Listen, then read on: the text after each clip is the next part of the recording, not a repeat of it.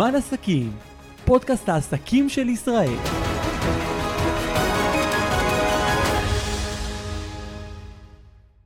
ברוכים הבאים לפודקאסט של דניאל גור אריה שעוסק במדעי המוח ובפסיכולוגיה ואנחנו היום בעוד נושא מרתק אנחנו נדבר על טיפולי CBT. שלום דניאל מה שלומך? שלום קטיה שוב שמח לפגוש כן, אותך. אז אנחנו נדבר על CBT שזה תחום מאוד מאוד נפוץ עכשיו. נכון, נכון. אה, ואני רוצה לשאול אותך קודם מה, מה זה CBT? מה ההגדרה של CBT? אוקיי, ומה CBT המהות של CBT הטיפול? בעצם זה ראשי תיבות באנגלית אה, Cognitive Behavior Therapist. זאת אומרת, טיפול קוגניטיבי התנהגותי, רק שכחו להוסיף אמושיונל, כלומר רגשי. רגשי. כי הנושא הרגשי, הנושא האמוציונלי, הת- התווסף לטיפול רק ב-25 שנים האחרונות. במה שנקרא באמצע שנות ה-90. עד אז לא האמינו ברגשות. זה לא שלא האמינו, אבל לא התייחסו לרגשות בצורה רצינית. כן. התייחסו רק לאינטלקט, לקוגנציה, ליכולת השכליות שלנו, אבל לא התייחסו לרגשות בצורה רצינית, והרבה פעמים אנשים שהם רגשיים תמיד, תמיד זלזלו בהם. אה, הוא אמוציונלי. בכיין. כן, כן, כן. איזה פוליטיקאי אחד שהוא מאוד אמוציונלי, אדם חכם, ומזלזלים, אה, הוא אמוציונלי, לא, לא צריך להקשיב לו. אבל הוא אדם חכם, אבל הוא לא, פשוט הוא לא יודע לווסת את הרגשות שלו. כן. ולכן המידע לא מצליח בהכרח אה, לעבור. יש אנשים שהם יותר קוגניטיביים, אנשים יותר שכליים, ואנשים אה, מצליחים הרבה יותר להבין אותם, מאשר אנשים שהם יותר אמוציונליים. כן, כי לא אנשים- כל אחד יכול להתחבר לאמוציות. כל אחד חווה רגשות אחרת וכלפי דברים אחרים. מה שמאוד יהיה אמוציונלי עבור בן אדם אחד, אולי לא יזיז לבן אדם עם אופי אחר. וההפך. וההפך, יש אנשים כמובן. שהם יותר מדי אה, קוגניטיביים והם בכלל לא אמוציונליים. כן, ואתם יכולים לראות משהו אה, אכזרי שמתרחש לידם וזה לא יזיז להם כלום. וואו, כן. אה, ראינו את זה, ראינו את זה בשואה, שאנשי הגסטאפו הגרמנים שרצחו יהודים זה בכלל לא הזיז להם. כי הם, כי הם חשבו רגשית- על זה באופן מאוד, שח... מאוד שכלתני. כן, כן, אמרו להם שהיהודים זה עכברים, הם, אה, זה תת אדם, זה לא אנושי בכלל. זה לא אנושי. אז מובן וואו. להם שצריכים לחסל אותם, כמו שאתה מחסל עכברים. כן, כן. חומר הדברה. השואה זה זה. בטח מקרה בוחן מאוד זה מאוד מאוד... אה, קיצוני. כן, אבל אני אתייחס על זה גם בהמשך, כן. מכיוון שזה תסמין, זה סימפטום למה שקורה, למחלות שיש לנו בחברה, שברגע שאתה מת, לא, לא נותן, לא נותן אה, כבוד או יחס לאוכלוסיות אחרות, אתה עלול גם לחשוב אה, בתוכך, אז אם, הוא, אם הם לא חשובים, אז צריך אולי להשמיד אותם, לחסל אותם. כן, ויש הרבה אנשים שיש להם מחשבות כאלה, מנותקים מה, מהרגש שלהם. כן. וגם רגש זה גם מצב הפוך, שהרבה אנשים מוצפים אה, מבחינה רגשית, הם אה, בעצם לא מסוגלים להפעיל את השכל שלהם. כן, אז מה עושה טיפול CBT? מה המהות אז, שלו? אז הרעיון הוא בעצם לדעת לשלב את הרגש ואת השכל. אה, בשנות ה-90 יצא ספר מהפכני על ידי דוקטור אה, דניאל גולמן שנקרא אינטליגנציה רגשית ובעצם הוא הסתמך הרבה על מחקרים של פרופסור אנטוניו דמאסיו שהוא נורו-פסיכולוג אמריקאי אה, ובעצם הוא טוען שבעצם אינטליגנציה ורגש צריכים לעבוד ביחד בשיתוף להכניס אינטליגנציה לרגש ורגש לאינטליגנציה. יש אנשים שהם או כאלה או כאלה. אה, והספר הזה זכה, הוא הפך להיות בעצם רב מכר, וואו. הוא, הוא התפרסם כמעט בכל שפות בעולם, ולמה הוא הפך להיות חשוב? מכיוון שהאנשים, יש אנשים שהם מאוד מאוד מאוד שכליים, אבל מבחינה יחסי אנוש אפס. נכון, הם לא יודעים לתקשר עם בני אדם. כן. אז הם יכולים להיות חכמים נניח שנותנים הרצאה, הרצאה מבריקה, אבל הם לא מנותקים מהציבור. האינטראקציה החברתית שלהם... אין אה, אינטראקציה, לא כן. קיים, אין דבר כזה. וואו, והפוך, יש אנשים שהם מאוד אמוציונליים, ומבחינה אינטליגנטית זה, זה, זה דופק אותם. זה, הם לא מצליחים בעצם... כי זה משתלט, האמוציות משתלטות על ה- ה... על ה- עכשיו, מה שאני, מה שאני בעצם, מה שעושה ה-CBT בעצם, הוא מנסה בעצם לתרגל את, את, ה, את הרגש ואת השכל ביחד. Mm, שעבדו ביחד, לכן זה נקרא טיפול קוגניטיבי, התנהגותי, רגשי. אנשים שבדרך כלל עברו טראומות בילדותם או באיזשהו פרק בחיים שלהם, זה בגלל שהם אה, ספגו אמוציות מאוד מאוד חזקות, תופעות שנקרא PTSD, פוסט טראומטי, אה, וזה בעצם גורם להצפת אמוציות. אנשים דקה שספגו הרבה אמוציות בחיים שלהם, כן, הם הופכים להיות מה שנקרא אנשים רגישים מאוד. אה, וזה בערך משהו כמו 15-20% מכלל האוכלוסייה. וואו. אנשים מאוד רגישים, אחת מהבעיות שיש להם, שהם מוצפים. כלומר, כשהם רואים אירוע, הם, הם סופגים את הכל. הם רואים הכל מסביב. אז, אז אחת מהשתיים, או שיהיו אנשים מנוטרלים מבחינה קוגניטיבית, מבחינה אה, שכלית, או שלהפך הם יהיו סופר חכמים. ואז זה יבוא לידי ביטוי נניח שהם צריכים לכתוב עבודה, הם זוכרים את הכל ואז הם מסוגלים לנתח את הדברים בצורה הכי מעמיקה שיכולה, הם יכולים להיות גאונים. כן. או שהם יכולים להיות אנשים שלהפך הם לא מסוגלים בכלל לחשוב. זה תלוי מה הם רואים. לכן כן. כשדיברתי, דיברנו בשיחה הקודמת שלנו, ברעיון האחרון שלנו, נכון. שאתה צריך לברור מה אתה רואה. אם אתה רואה סדרות אה, שיש בהן הרבה אלימות, או סדרות אה, של אה, אופרות סבון למיניהם, אתה רואה שמבחינה קוגניטיבית או רגשית זה לא תורם לך, שום דבר להפך זה מזיק לך, אז אולי אתה לא חייב לראות את זה. ואיך שמים לב שזה מזיק לך, איך זה מתבטא? אנשים יודעים את זה. אתה יודע מהר מאוד, אתה יכול לעשות איזשהו מה שנקרא רפלקס, רפלקסיה. שאתה נהיה יותר מדי אמוציונלי לגבי דברים שקורים נכון, גם נכון. בסרט סלש נכון, נכון, סדרה אתה לוקח את זה אישית. קולט, אם זה, אם זה, אם הסיפור חוזר על עצמו, או שיש הרבה אלימות, או שהשיחות, הדיאלוגים, הם רדודים, הם לא חכמים, אין פה, חסר איזשהו גירוי אינטלקטואלי בשיחות בין אנשים בתוך הסדרה, אז תעבור הלאה, תראה משהו אחר, לא חסרות סדרות, לא חסרות דברים מה לראות, כן, לפעמים יש כזה שילוב, יש דיאלוגים טובים אבל גם אלימות. נכון, נכון, הרבה פעמים זה, יש את הגירוי הזה של מתח, הרבה מתח, כן, ויש גם אלימות, זה בעיה, קשה נכון. מאוד לעשות- את הסלקציה. כן, כמו משחקי הכס מי שמכיר, שזו נכון, סדרה נכון, מאוד אה, כולם מוכרת. אוהבים את זה, כולל אני, אני מודה. גם אני מכורה, גם לסדרה החדשה שלהם, נכון, נכון, לבית הדרקון, כן. נכון. השאלה באיזה מידה רואים, כמה רואים, נכון, אפשר לראות פעם בשבוע איזה פרק אחד, או... כן, אבל לא להיות מכור לזה כל היום הבוקר עד הערב, נכון, כי הנזק שנגרם לך הוא יכול להיות בלתי הפיך. נכון. ולהתנקות מזה, אמרתי, דקה של סטרס לוקח שעה להתנקות. נכון, שזה נתון להירגע. פסיכי, כן? אתה לחלוטין. נכנס ככה ללחץ תוך שנייה ו- ולוקח לך ולוקח המון לך זמן, שעה נכון. להירגע. כן. כמה טיפולים של CBT מומלץ לעשות? איך זה עובד? אז CBT בדרך כלל, מה שממליצים בדרך כלל, זה כי אני, אני התמחיתי ב-CBT. אה, זה שלושה, מינימום שלושה חודשים, זה משהו כמו 12 מפגשים. מה קורה במחקרים במפגשים? שעשו בארצות הברית, ש... קודם כל מי שבעצם אה, פיתח את ה-CBT זה דוקטור אהרון בק, פרופסור אהרון בק בארצות הברית. מתברר שבמחקרים שעשו, מתוך כל היקף הטיפולים הפסיכולוגיים ברחבי העולם, הטיפול CBT הוא הכי יעיל. זה וואו. משהו כמו 70 אחוז הצלחה. 70 אחוז הצלחה? זה המון. ואם אני משווה את זה לטיפולים אחרים, כמה יש בטיפולים אחרים? הרבה פחות, אה, פסיכואנליזה זה יכול להיות 20 אחוז, 30 אחוז, אבל פסיכואנליזה זה מאוד יקר. ופסיכולוג רגיל? פסיכולוג רגיל זה יכול להימשך שנים, אני מכיר אנשים שהולכים לפסיכולוג, אה, וזה נמשך שנים, כי הם תלויים בפסיכולוג. שזה חלק מה... מהחיים שלהם כבר נהיה. זה חלק והם תלויים בו, והם ש- הם באים, הם פעם בשבוע לקבל מה שנקרא זריקת עידוד, כמו שאתה לוקח סם. זריקת עידוד, זה מעודד אותם, אבל אם הפסיכולוג לא מפעיל את, המ, את המטופל, זה לא עובד. אם הוא נותן לו הנחיות מה לעשות, אז הוא יבוא פעם בשבוע, ידבר, הנה אני זוכר בגיל שלוש, קרה לי ככה, ככה, אה, אני מרגיש טוב. ואחרי כמה ימים הוא שוב נופל, כן. בא אחרי שבוע, תשמע, אל תשאל, אחרי שלושה ימים, שוב נפלתי. ואיך מתנהל ה-CBT, מה שונה בו? אז ה-CBT מפעיל אותך. ה-CBT, המטפל CBT, הוא בעצם מפעיל אותך, הוא נותן לך דברים לעשות. נניח, אם אתה סובל, נניח, יש לך נניח פחד גבהים, אז הוא לוקח אותך למקום שיש גבהים, והוא נמצא לידך. ו- לוקח אותך פיזית. כן, אה, CBT זה טיפול כן, לא כן. בפנים ורק לדבר, לדבר, לדבר. זה דורש ליווי. כי אנשים, הרבה, אנשים סובלים הרבה פעמים מפוביות, מחרדות, ונניח אנשים פוחד מקהל, אז אתה לוקח אותו מול קהל. ואם אני. מפחדת מג'וקים ייקחו אותי אה, אה. ג'וקים, אז יש כל מיני דרכים, אני לא אכנס כרגע כן. לפרטים, זה הרבה יותר מורכב, אבל כעיקרון, אה, זה בדרך כלל תלוי במשהו שאתה ראית שהפחיד אותך. הרבה פעמים כשאתה פוחד מג'וקים, זה לא בגלל הג'וקים, זה בגלל זה פחדים שקשורים לדברים אחרים. מעניין. שקשורים לילדות, אה, אה, לכל מיני דברים שלא בהכרח קשורים לג'וקים. הג'וקים זה תסמין, אבל הרבה פעמים זה לא מגיע מהג'וקים, זה מגיע מדברים אחרים. מעניין, עכשיו אני רוצה לחקור את זה. נכון, בהחלט כן.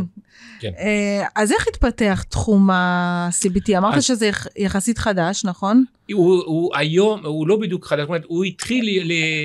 הצורה שבה הוא, אותו כן, מתקיים שכיום- היום, שנותנים גם דגש על הרגל, שזה יחסית חדש. יחסית, בארץ הוא יחסית חדש, בארצות הברית כבר בשנות ה-70 וה-80 זה התחיל להיות אה, אופנה אה, מאוד רחבה, בישראל זה התחיל יותר בשנות, משנות 2000 והלאה, אפשר להגיד את זה של נקודת שינוי, והיום המון המון אה, פסיכולוגים עוברים התמחות בטיפול CBT, דיאטטניות, אה, ואפילו אני מכיר אפילו פרופסורים לפסיכיאטריה שעוברים אה, התמחות ב-CBT, כי הם יודעים שהטיפול CBT יעיל הרבה יותר מכל טיפול אחר, חד וחלק.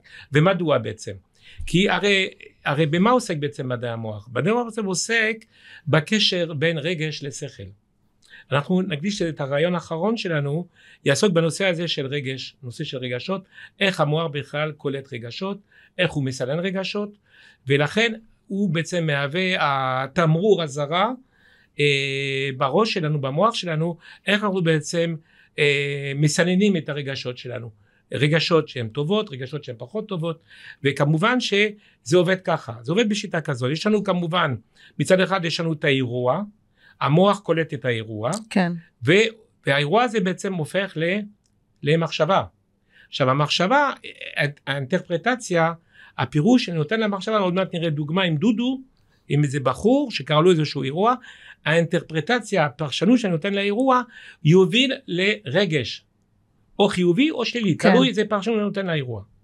ואז הרגש הוא יפתח מה שנקרא התנהגות. הכל תלוי באיך אני מפרש את זה. תלוי איך אני מפרש את זה.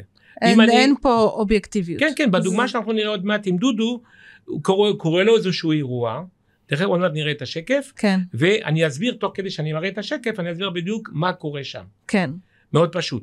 ואז הרגש יוצר התנהגות. רגש שבעצם זה אמושן, זה אנרגיות בתנועה. כלומר, מה שמתבטא, מה רואים מבחוץ. על זה יש גם שקף. איך אנחנו בעצם מבטאים את ההתנהגות, אה, את ההתנהגות שלנו, אה, איך זה בא לידי ביטוי ב, או, או, או בעצבות, בכעס, או, ב, או בצחוק, או בחיוך, בכל דבר, רואים את זה מבחוץ. בדרך כלל כשאתה הולך לפסיכולוג או לפסיכיאטר, הוא, הוא, אתה מנהל איתו שיחה. קוראים לזה אינטק. ואז לפי השיחה הוא יכול לדעת אם אתה סובל ממחלה נוירוטית או מחלה פסיכוטית. נוירוטית זה לא נורא, כולנו יש לנו אה, תופעות של מתחים, חרדות, נכון. זה קשור ל... ל- יומיומי, באופן יומיומי יום כולם יומי, חווים את נוירוטי, זה. כולנו, אפילו פרויד בעצמו הודה שהוא סובל מבעיות אה, כן. נברוטיות. אבל פסיכוטי זה כבר סיפור אחר לגמרי, כן. זה כבר דורש כבר אה, תרופות פסיכיאטריות. זה טיפול שונה לגמרי. זה טיפול שלי, כי זה כבר פוגע ביכולת הדימוי של הבן אדם, כן, הוא מתחיל לסבול כבר מהזיות, זה פוגע באישיות שלו, וזה כבר דורש כבר טיפול פסיכיאטרי, זה כבר שלב הרבה הרבה יותר, הרבה יותר אה, חמור, שלא טופל מקודם, ולכן זה, הוא מידרדר ממצב נוירוטי, עצבי, למצב פסיכוטי. שזה בעצם, הוא כבר, הבן אדם הזה כבר מאבד את, ה, את הקשר שלו למציאות, ואז הוא יכול להגיע למצב של, חס ושלום, מצב של התאבדות, וואו. יכול, מצב שהוא מתאבד כי הוא בכלל לא רוצה לחיות יותר, או מצב שהוא הופך להיות אלים כלפי החברה, מצבים כאלה בדרך כלל נותנים לו תרופות פסיכיאטריות כדי להרגיע אותו, או שיש מצבים קיצוניים ששמים אותו במוסד סגור לחולי נפש, כן. כי הוא מסכן גם את עצמו וגם את שזה הסביבה. כבר השלב הכי זה מתקדם. השלב הכי קריטי, כן, כן, כן. כן. כן. ולצערנו הרב, הנושא הזה, יש לנו היום יותר ויותר אנשים, בעיקר בני נוער, שסובלים ממחלות פסיכיאטריות, פסיכוטיות. וזה, זה, זה, זה ולמה מערער היום את אתה ה- חושב שיש הרבה יותר? כי, כי קודם, ראשית כל יש מחסור חמור בפסיכולוגים. גם אנשים לא יכולים להרשות לעצמם ללכת לפסיכולוג. כן, זה לא זול. פסיכולוג זה מאוד יקר, מאוד יקר, ולכן המדינה מצאה את הפתרון פלא, זה תרופות. כן, נותנים לו כדור, הוא נרגע. תירגע, זה לא פותר את הבעיה. זה אבל- ממש לא פותר את הבעיה, חד וחלק. אני מעז לומר את זה, והפסיכיאטרים יודעים את זה בעצמם, אבל אה, זה הדרך כאילו לשמר את הבן אדם שלא לא יפגע בעצמו או שלא יפגע באחרים, אבל זה עדיין לא פותר את הבעיה. אז למה אין מספיק אה. פסיכולוגים? Hmm? איך קורה מצב כי מספיק... להכשיר פסיכולוג זה המון שנים. פסיכולוג קליני לדוגמה זה משהו כמו שבע שנים. Mm. תואר ראשון אחרי תואר שני. אז אנשים לא. ששים אה, ל- ללכת ללימודים כאלה ארוכים. כן, זה לימודים ארוכים וזה התמחויות ולא מעט מאוד מתוכם מתקבלים אה, לחוג היוקרתי הזה, האליטיסטי הזה, אני קורא לזה, מעט מאוד. אז יש אנשים שעושים קיצורי דרך של אה, אה, להיות אה, מטפלים ב-P&L או ב-CBT, בלי לעשות כל המסלול הזה של השבע שנים. זה, טיפול, זה יותר קצר, אה, אבל, אבל אין ברירה, כשאתה מדבר על היקף של מאות אלפי אנשים, אני מדבר ממש כן. על מספרים. אבל מי שלא למד פסיכולוגיה ולומד רק קורס CBT, הוא יכול להיות מטפל טוב באותה מידה לדעתך? לא, זה תלוי, מה זה נקרא אותה מידה? זאת אומרת, אותה מידה כמו מישהו שלמד פסיכולוגיה ו... לא בהכרח, זאת אומרת, הוא, הוא מתאים לו כלים איך להתמודד בחיי היומיום, בן אדם מלווים את הבן אדם, נניח אדם סובל מחרדות, זה שהוא בא לפסיכולוג ומדבר על החרדות, זה עדיין לא פותר אותו מהחרדות. יכול להיות שזה יפתור לו את זה אחרי כמה שנים, אבל כשאתה מלווה אותו פיזית, לוקח אותו נניח למקום שנניח סובל מגובה, או סובל מקלסטרופוביה, שבעיה של כן. אה, מקום סגור, או מקום שיש הרבה אנשים, אתה מלווה אותו, יכול, אתה יכול להעלים לו את, ה, את, הפוב, את החרדה הזאת. ב, אז אתה אומר שמי שלמד רק CBT יכול להיות מטפל טוב ולהעניק את הטיפול שבן אדם צריך. אם יש לו בסיס שהוא למד קודם כל פסיכולוגיה בצורה בסיסית, לא אחד שעשה איזשהו קורס, קורס איסטנט, קורס זריז, כן, זה לא עובד ככה. אבל בשביל ללמוד פסיכולוגיה אמרנו צריך שבע שנים, אז יש פה נכון, איזשהו... נכון, כן. פסיכולוג, פסיכולוג קליני, שבע זה- שנים. כן, זה תהליך מאוד ארוך, מעט מאוד אנשים אה, מצליחים לעבור את זה, ואין הרבה פסיכולוגים קליניים בארץ, אנחנו יודעים. כשאתה מדבר, מתמודד עם מאות אלפי אנשים שסובלים מחרדות ודיכאון, ואנשים, אה, האוכלוסייה הפשוטה, אין לה כסף, את האפשרות להוציא 500 שקל בשבוע על פסיכולוג, זה, מאוד, זה 2,000 שקל לחודש, זה המון כסף. זה המון כסף. אז יש טיפולים אלטרנטיביים, כמו אה, טיפול ל-CBT או טיפול ל-PNL, שהם אה, פחות טובים, אבל, אבל צריך לעזור לבן אדם. אתה לא יכול להשאיר נכון. אותו ככה בלי כלום, בלי מענה. עדיף משהו ביד מאשר... אה, בדיוק, כן, כן, זו איזושהי עזרה ראשונה. אה, כי אמרתי, פסיכולוג, אין, אין מספיק פסיכולוגים. חד כן. וחלק, אנשים עומדים בתור, לפעמים משת... באים אליי הרי אנשים, פנו אליי אנשים, שאומרים, תחכה שנתיים, אין לי תורים פנויים. וואו. אין, שנתיים. שנתיים היה המתנה, כן, אין. זה מטורף, כי זה בשנתיים האלה יכולים ידוע, לקרות... אני לא ממציא כן. דברים, זה זה ידוע. לא, בוא, כן, ברור. כן. אה, והזכרת שיש לך דוגמה באמת של... אה, דוגמה של דודו, כן, תכף כן. אני, אני אריץ את, ה, את השקפים שמדברים על זה. קודם כל, לפני שנדבר לדו, עם דודו, נדבר על הנושא הזה של הגלים, איך התפתחה, איך התפתח בכלל כן. ה-CBT. ה-CBT בעצם התפתח בשנות ה-20, ואז בעצם ניסו, אה, פיתחו מה שנקרא את הפסיכולוגיה ההתנהגותית, אוקיי? זה נקרא כן. בהביוריזם. אז עשו ניסויים על בעלי חיים. אה, עכבר וכלב, סליחה, עם כל הכבוד, זה לא בן אדם. נכון, יש, יש, יש קצת שוני. נכון, נכון, יש את הניסויים שמי שלומד אה, פסיכולוגיה, אה, אני מלמד הרי פסיכולוגיה לבגרות, אה, אה, למדו על פבלוב ולמדו על, אה, על אה, סקינר, שהם בעצם עשו ניסויים גם על כלבים וגם על עכברים, אה, עשו להם כל מיני גירויים לבדוק איך הכלב אה, מגיב או איך העכבר מגיב, זה מעניין, אבל המוח שלהם הוא הרבה יותר קטן מהמוח של האדם, אי אפשר להשוות נכון. מוח של כלב למוח של אדם. המוח, כלב יש לו מוח של משהו כמו 250 מיליון אה, נוירונים, אדם יש לו מיליארד, אבל 100 מיליארד, סליחה, 100 וואו, מיליארד כן, אה, תאי עצב, זה משהו אחר לגמרי. אה, ולאדם יש לו, העונה המצחית שלו הרבה יותר מפותחת מאשר של הכלב, אין מה להשוות ביניהם, אבל עשו ניסויים עליהם. מי שעשה ניסויים יותר רחבים מבחינה התנהגותית זה אה, אה, אה, בנדורה, שהוא בעצם פיתח את הפסיכולוגיה החברתית, הוא היה סוציולוג, אבל עדיין, עדיין אז באותה תקופה לא היה דרך איך לרפות אנשים, בני אדם, נדבר כבני אדם, כן, כי היו חסרים, חסרים, חסרים חלקים כדי להשלים את הפסיפס. ומה זה החלקים האלה? אז יש לנו קודם כל בשנות ה-70, אה, אה, הדוקטור, הפרופסור אהרון, אה, אהרון בק פיתח את ה, מה שנקרא את הפסיכולוגיה הקוגניטיבית.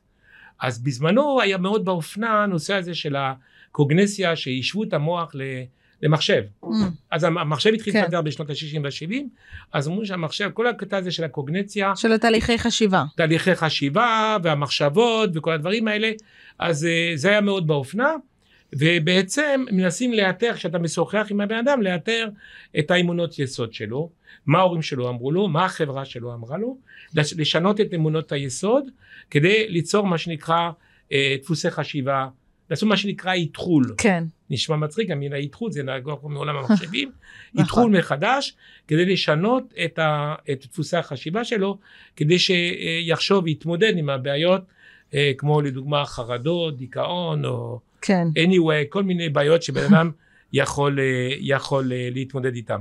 ואז בא הגל השלישי בשנות ה-90 שעליהם דיברתי, נושא של הרגש, כן. פסיכולוגיה אמוציונלית, הרגשית, וזה כבר אופרה אחרת לגמרי. למה?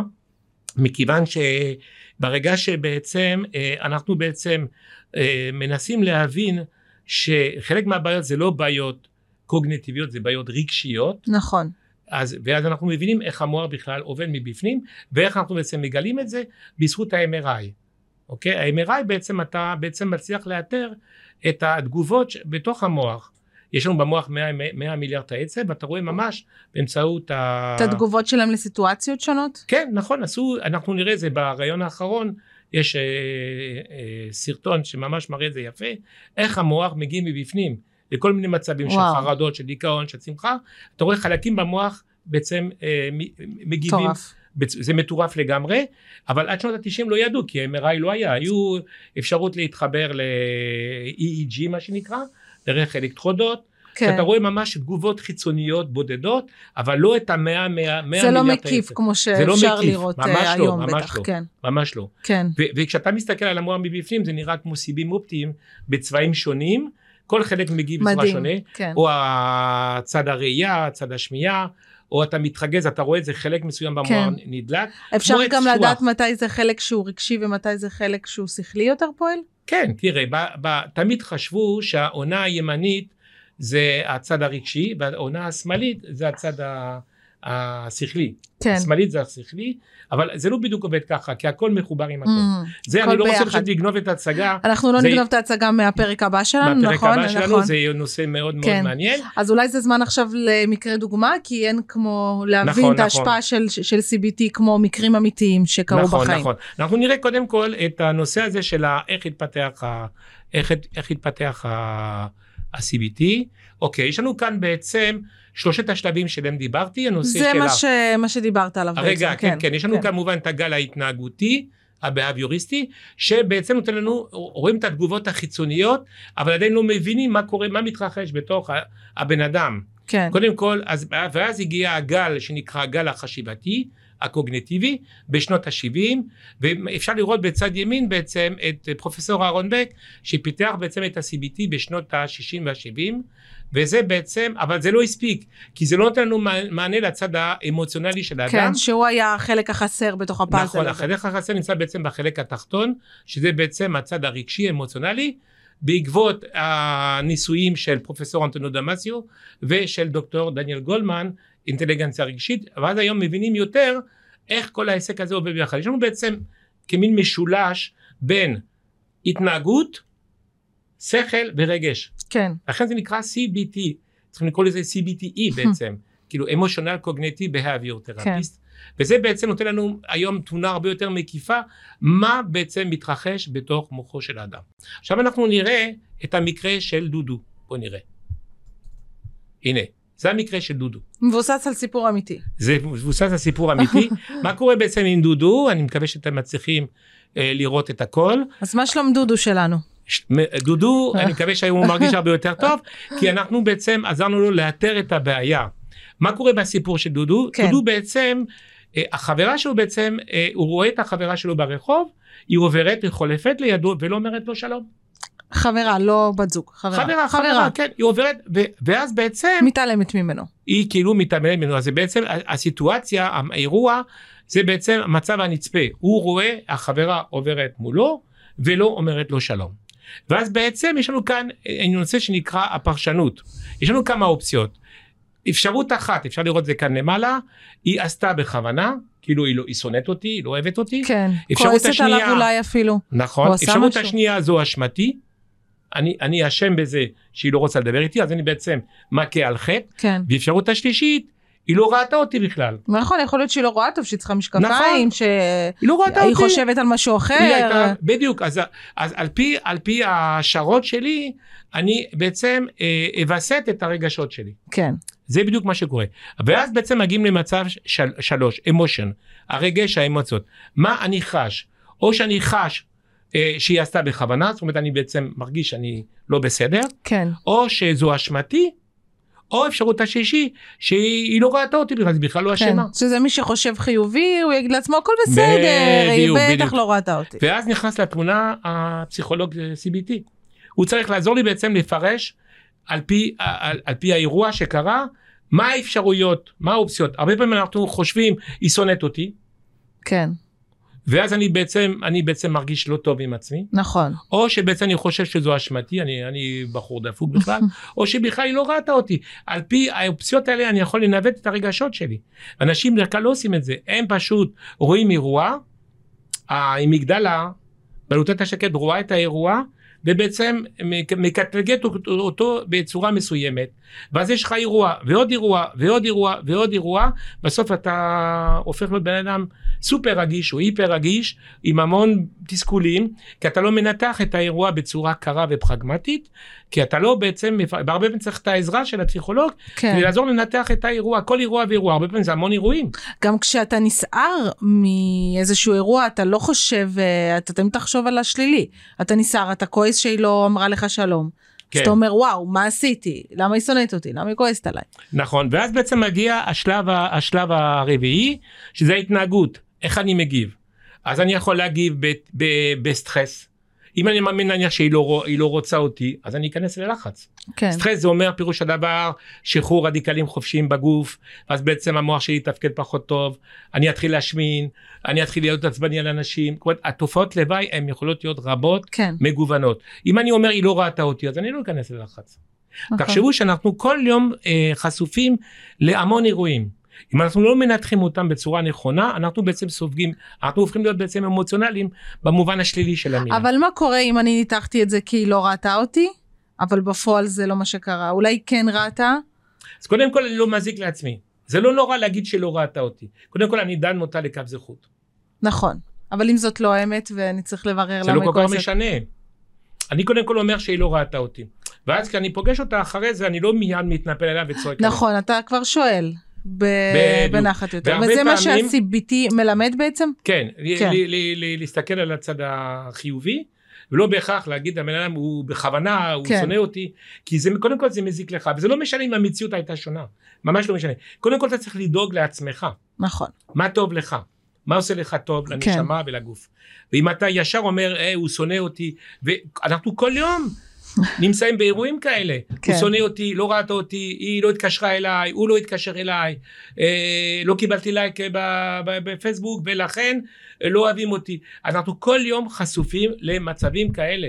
זה, דודו זה מקרה קלאסי, אבל כן. אנחנו כל יום חשופים, ואז מה שקורה, הנזק שזה גורם למוח הוא יכול להיות בלתי הפיך. וואו. כי אם אתה סופג כל האירועים כאלה ואתה לא נמצא במצב של שיקול דעת, והשיקול דעת זה בעצם העונה המצחית.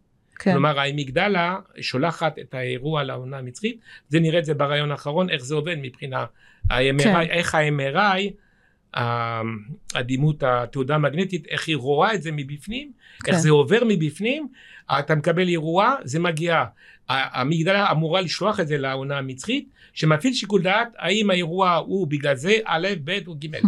אם אתה לא מפעיל שיקול דעת, זה הולך לרגשות, אתה סופג המון רגשות, כן. אתה הופך להיות בן אדם אמוציונלי, שבעצם לא מפעיל שיקול דעת. ולא מצליח לווסת את מה שהוא לא מרגיש ול- שום דבר. ולחשוב שכלי כש- כשצריך. כן. בדיוק, בדיוק אה. טוב, השאלה האחרונה שלי לשיחה המרתקת שלנו היום, זה בעצם איך היהדות והמקרא מתייחסים לכל הנושא של שכל ורגש. יפה קטיה ששאלת אותי. אני במקרה מלמד גם אה, תנ"ך. אז, אה, והם, אה, התלמידים שלי לומדים ספר בראשית. אה, המקרה, הרצח הראשון במקרא, שזה קין והבל. קין והבל, כמובן. וזה, וזה מקרה קלאסי לנושא של רגש ושכל. זה אם את מחפשים מקרה קלאסי של רגש ושכל, זה המקרה של קין והבל. תפרט קרה שם? כמובן, כן. עכשיו אנחנו נגיע ל- לשקף, בואו נראה רגע אחת, יפה. זה המקרה של קין אה, והבל. אה, מה קרה שם בעצם? אה, קין והבל בעצם היו שני אחים, הם הבנים של אדם וחווה, נכון. כל אחד הקריב קורבן. מה שקרה שאלוהים קיבל את הקורבן של הבל ולא של קין. למה? כי קין אה, הקריב קוצים והבל הקריב. משהו מאוד שווה משובח. יותר, כן. ובאופן טבעי אלוהים אני מקבל את, ה, את הקורבן של הבל ולא של קין. מה עושה, איך מגיב קין? קין מתעצבן. מה פתאום אני הבכור, מגיע לי, אפילו אם אני מקריב קור, אה, קוצים. כן, עכשיו הקטע הוא שמתנהל דיאלוג בין אלוהים, אלוהים אני מתכוון פה זה המצפון. כן, מתנהל דיאלוג בין אלוהים לקין, הוא אומר לו, תיזהר, יש לך מחשבות בראש שלך, אתה רוצה לרצוח את אחיך. לפתח חטאת רובץ, ככה כתוב. כלומר, אתה, אתה חושב מצווה רגשית, כן. אני כועס, למה הוא קיבל את שובילות שלי? אם אתה תפעיל שיקול דעת, אם תפעיל שיקול דעת, כלומר, אם תבין שאתה לא קיבלת את שלך, כי אתה הקרבת, עשית ממני צחוק, סליחה, כן. אלוהים אומר לו, אתה הקרבת קוצים, מה זה, ככה אתה מקריב לבורא קוצים. כן. זה הכבוד שאתה נותן לי. זה, הכ- זה בדיוק הנקודה, אבל הוא, הוא לא הפעיל שיקול דעת, הוא היה נכון. כולו זלזל. אמוציונלי. כן, ובשורה התחתונה הוא רצח את אחיו, נכון. כי הוא עבד על פי אמוציות ולא על פי השכל. זו, זו, זה בדיוק מה שקרה שם, זה מקרה קלאסי, וזה הרצח הראשון בהיסטוריה. כן, מבחינתי זה קטסטרופה, כי זה הרצח הראשון, שעל על פי המקרה הזה בעצם, כל ההיסטוריה בעצם רוויה ברציחות, על סמך כי אנשים או לא מפעיל שיקול דעת, או שהם יותר מדי אמוציונליים. כן, אחד משניהם. זה בדיוק מה שקרה שם. אה, לסיכומו של דבר, הטיפול CBT הוא טוב, הוא מעולה, מכיוון שהוא בעצם מקיף את כל הפרמטרים שהם חשובים מאוד לצורך טיפול, גם מבחינה קוגנטיבית, שכלית, גם מבחינה רגשית וגם מבחינת התנהגותית. כן. בניגוד לטיפולים אחרים שעוסקים רק בנקודה אחת מתוך כל בפרמטר אחד. כן, הפרמטר אחד. כן, כאן אתה, זה הרבה יותר הוליסטי, זה הרבה יותר מקיף כן, את כל הבעיות ש, שמציפות אותנו כבני אדם. כן. זהו. דניאל, תודה רבה על עוד פרק מרתק, אה, ואל תדאגו, דניאל יחזור עם אה, עוד פרקים, אתם יכולים לצפות בו. אה, תודה רבה לכם, אנחנו נתראה בפרקים הבאים עם דניאל גור אריה. רוצים להיות חלק ממשפחת זמן עסקים ולהציג את העסק שלכם? השאירו פרטים בלינק שנמצא בתיאור.